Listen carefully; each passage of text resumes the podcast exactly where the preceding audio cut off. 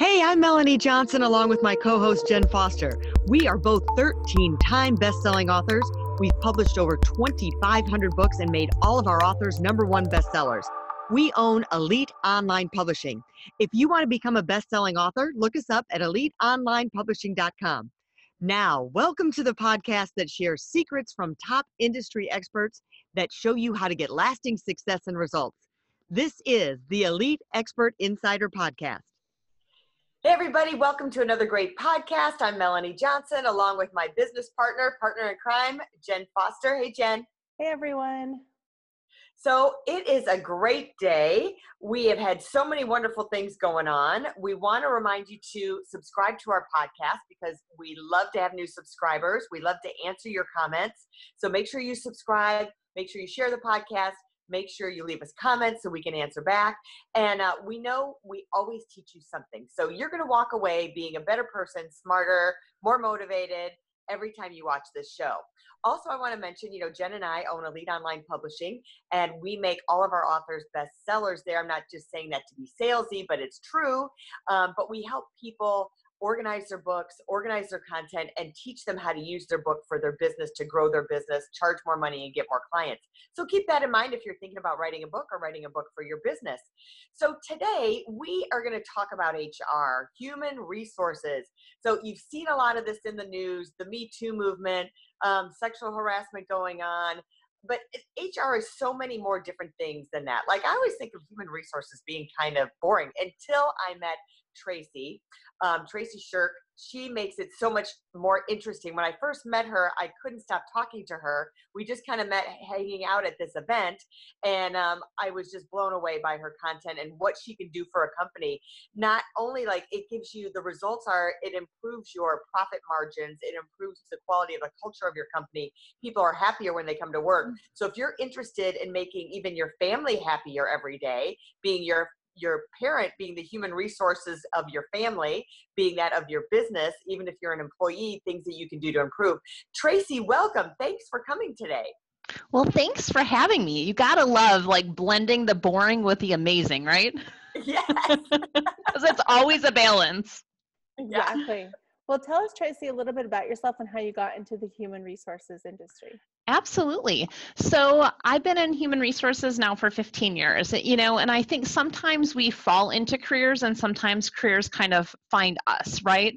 So, you know, I love working with people and that was really the main thing is I love working with individuals. I love making a difference with individuals and that's really what HR is about. But I found out the hard way when I got called hatchet woman one day that hey, you know what? I'm doing HR all wrong because I was so focused on compliance that I was completely missing the people piece.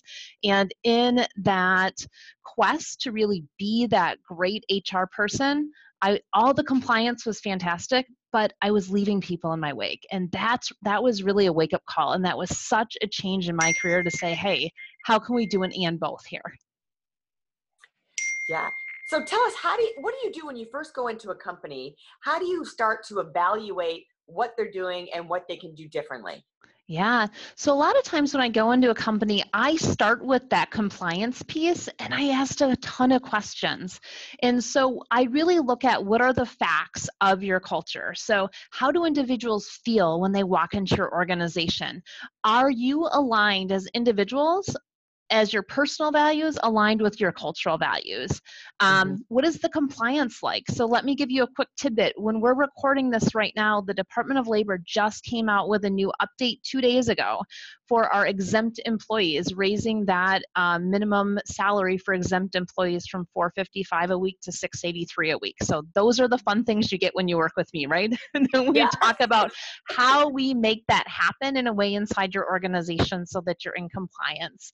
Um, the T in facts is trust. It's so important that when you have that trust with your employees and those employees have that trust with you, that you build strong cultures because guess what? When employees are engaged, they are 202% more productive, which means 21% more profitable. And that's from a Gallup poll. And the last is success. What does success look like? So that's what we do when we walk in organizations. We really go through that facts cultural assessment. Yeah, I think it's so much more than just like you use that word compliance and people are like, ooh, compliance. Yeah, that doesn't sound, but I love when you marry it with culture. So really yeah. you're trying to follow the rules, but create a beautiful, fun, loving, trusting culture that goes along with it. Um, yeah. Speak to that a little bit and how absolutely. And, so, you know, and it, it starts with the culture. So I want you to just, all of you imagine right now, when you were getting ready for work this morning, what were you thinking? What were you feeling? Did you have that knot in your stomach like, oh, I cannot handle another day at work, but I have to bring home a paycheck? Or were you like, oh my gosh, I get to go into work today and I get to make a difference with the individuals that I serve? That's your culture, right? And so that culture is created based on the um, based on the values of the organization and the behaviors that happen over and over and over every single day. And it's as simple as, hey, I show up for a meeting at eight o'clock and I'm the only one there, and I've put 20 hours into being prepared for this meeting, and nobody shows up. Then all of a sudden they start trickling in, and I'm like dismissed for the work I did. That's going to immediately, um, you know, reduce my productivity. So Mhm. those are the kind of things we talk about when we talk about culture. Is that helpful? love that. Yeah, that's very helpful. And culture is a big thing. Um, if whether you have a small company or a large company, there's a specific culture or specific things that go on your your systems, your operations that happen. And if you don't build it around your culture, then that's where you're going to lose a lot of your employees or have a high turnover. Is that right? Yeah, absolutely. And this culture, it's if you're an empl- if you're an organization of one and you have a couple different, let's say, independent contractors or vendors like a VA, guess what? You still have a culture because the way you show up every day when you're talking with your VA, when you're talking with your clients, there's a culture around that. Can your clients trust you to follow through on the things that you say you're going to do and the timelines that you say that you're going to? That's all specifically related back to culture. So this culture piece doesn't just have to do with employees, it also has to do with how we attract our our clients as well. So let's talk about technology a little bit because I noticed in some of your your things that you talk about are the tools. So what Mm-hmm. are some of the tools that you use or companies that uh, you know you walk into they're like I had no idea I could do this. Um, What tools do you use? So now depending upon the size of your organization this is going to shift a little bit, right? So small organization you need to make sure you have a system in place to ensure you have compliance. And this could be as simple as excel spreadsheets right? And you know just an adobe scanning function that is secure because security is a, a key detail. We're taking social security numbers. We're taking information for i9s so um, you know it can be as simple as a computer with excel and you know ensuring that you have that security piece or depending upon the number of employees you have, you could have an HRIS system or a human resources information system that's tied into that. You need to make sure you have a good payroll system so that your individuals are paid properly and it takes into account all of your taxes, et cetera, and that you're paying things correctly. What about like um I mean we're just hiring somebody new bringing them on board. Should we have like an employee handbook? What is the procedure of starting with a new employee? Even if you're starting with a new company and you made your first hire, what should you be doing and telling that person? Ooh, I love this question. I've got a blog post out on that one too. so we, we, we may be turning that into a book, right, with a culture piece Yeah, attached to it. Um, so really specifically, when you're hiring a new individual into your organization, I break HR down into, I look at it like a book, okay? So that front cover of your book tells us what the book's about. That's your offer letter to your employee. So that offer letter is going to tell you the date that they're starting, the location that they're in, because that location is going to tell us the state. That state's going to tell us which state laws we have to comply with, what their salary is or what their hourly wage is, um, and then make sure that they sign it because we need to know that they accepted that offer. Um, so that's that's your, the front cover of your book. Okay, we're going to open up our book, and I'm going to only talk about two pieces inside the book. There's lots more chapters than this, but the two chapters we're going to talk about are your job description, and your job description tells you what are the requirements of the job.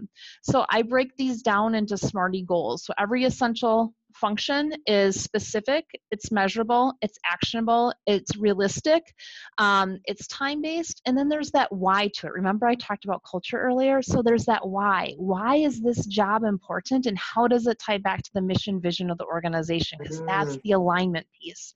Mhm. And then we get into um, then we get into compliance. Okay, so those essential functions need to be balanced with.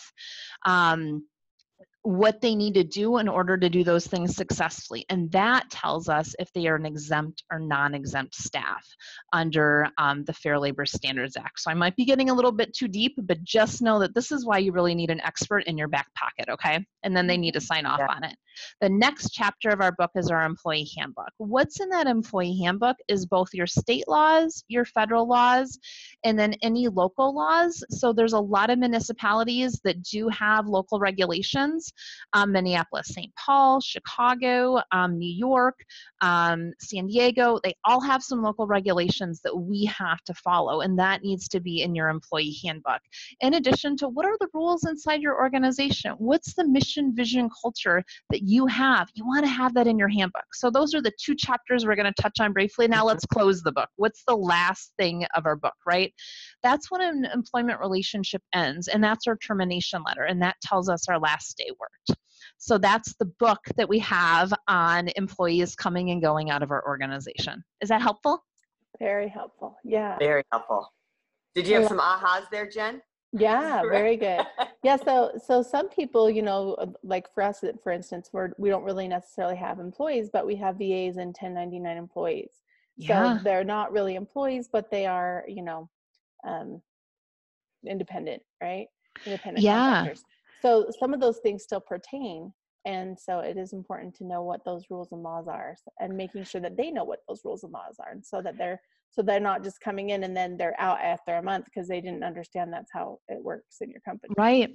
And with independent contractors, this is one of the most misclassified items and one of the most regulated right now. So just know that you have seven different agencies that are specifically looking at independent contractors right now because independent contractors don't have the taxes taken out. So Mhm. um, you could be seen as an independent contractor under one jurisdiction and not under another. So you've got Department of Labor, you have state law, you have um, workers' compensation that Mhm. cares about this. You have National Labor Relations Board that cares about this because you can't unionize independent contractors, you Right. know, Yeah. um, and the list goes on. So Yeah. just be careful that your independent contractors are truly independent contractors and not Mhm. employees. And that's a big Yeah. part of the work that I do with my clients. Yeah.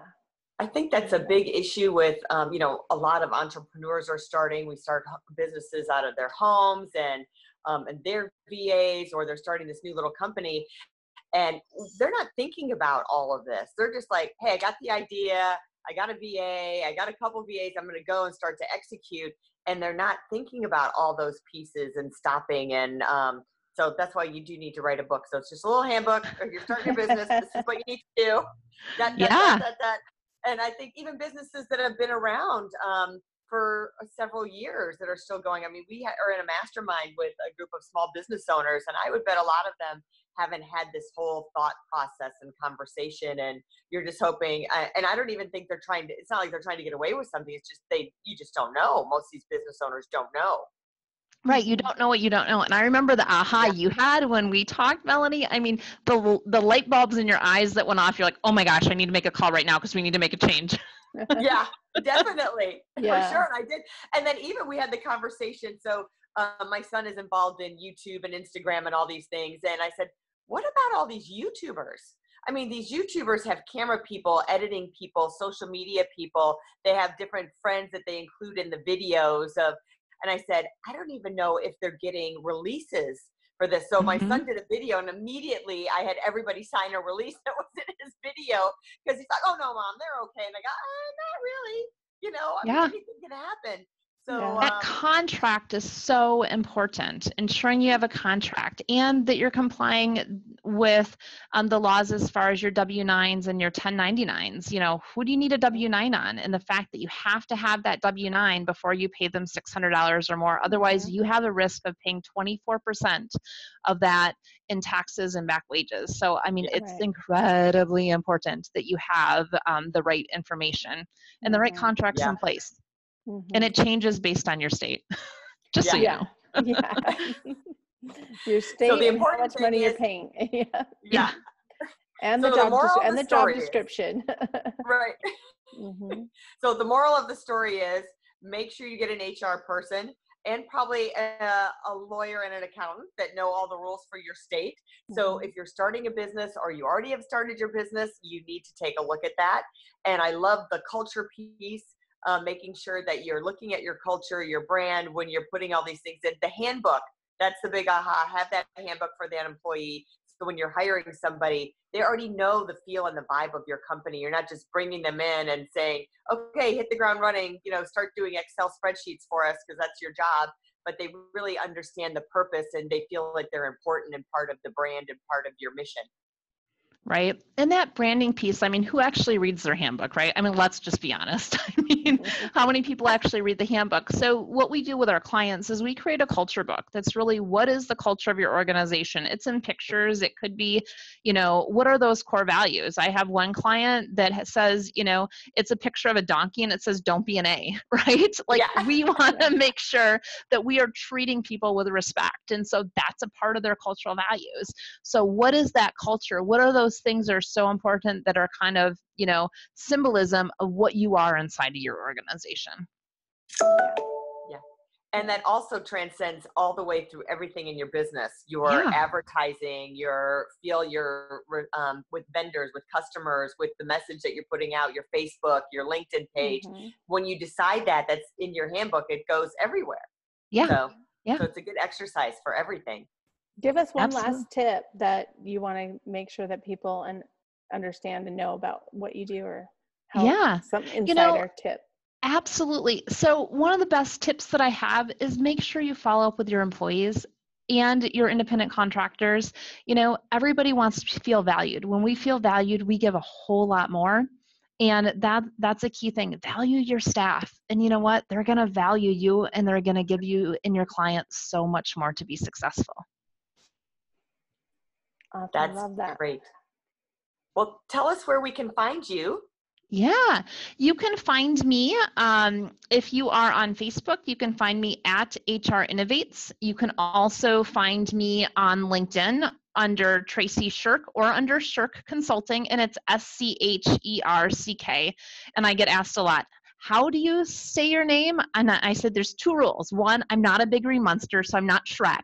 And it rhymes with jerk, so it's shirk like jerk. So that's kind of how you can remember it. I know. I love it. It's like, don't be a jerk, get shirk for your AR, for your, for your HR. There you go. There you go. Exactly. Oh my gosh, I love that. And then on my website, it's scherckconsulting.com. Um, and we have a number of different courses that are available on there, along with, um, you know, a weekly membership that does provide office hours once a week if you just want to pick my brain once a week that's something that's available there awesome i love, love that it. that that would be um, i think that's useful for almost any any small company should sign up for that well thanks for joining us today tracy we really appreciate it awesome content so um, take a look at all your HR, whether you're a one uh, man band where you've got some VAs working for you, really take a look at all those pieces. And um, I give you the homework of making that brand book. If you don't have it, make that culture book that you can give um, to your employees. Uh, start out, do that one page, that last page, and everything in the middle. So the toughest part for me would be all the legal stuff, but you know, go through that. It's well worth it. And remember, if you're looking to become an author and take your expert content, just like Tracy has, and um, put that together and make a book out of it, we highly recommend that for your business. So reach out to us at eliteonlinepublishing.com. We have a submission form for you right there. And we'll see you next time right here on our podcast. Bye. Thanks, ladies. Bye. Are you looking to increase your revenue, build credibility, and elevate your brand? This podcast is brought to you by Elite Online Publishing, an innovative publishing and full spectrum marketing company. They will publish and market your book to make it a number one bestseller. Becoming an author is the best way to market your business. So contact them at eliteonlinepublishing.com today. All of their authors become number one bestsellers.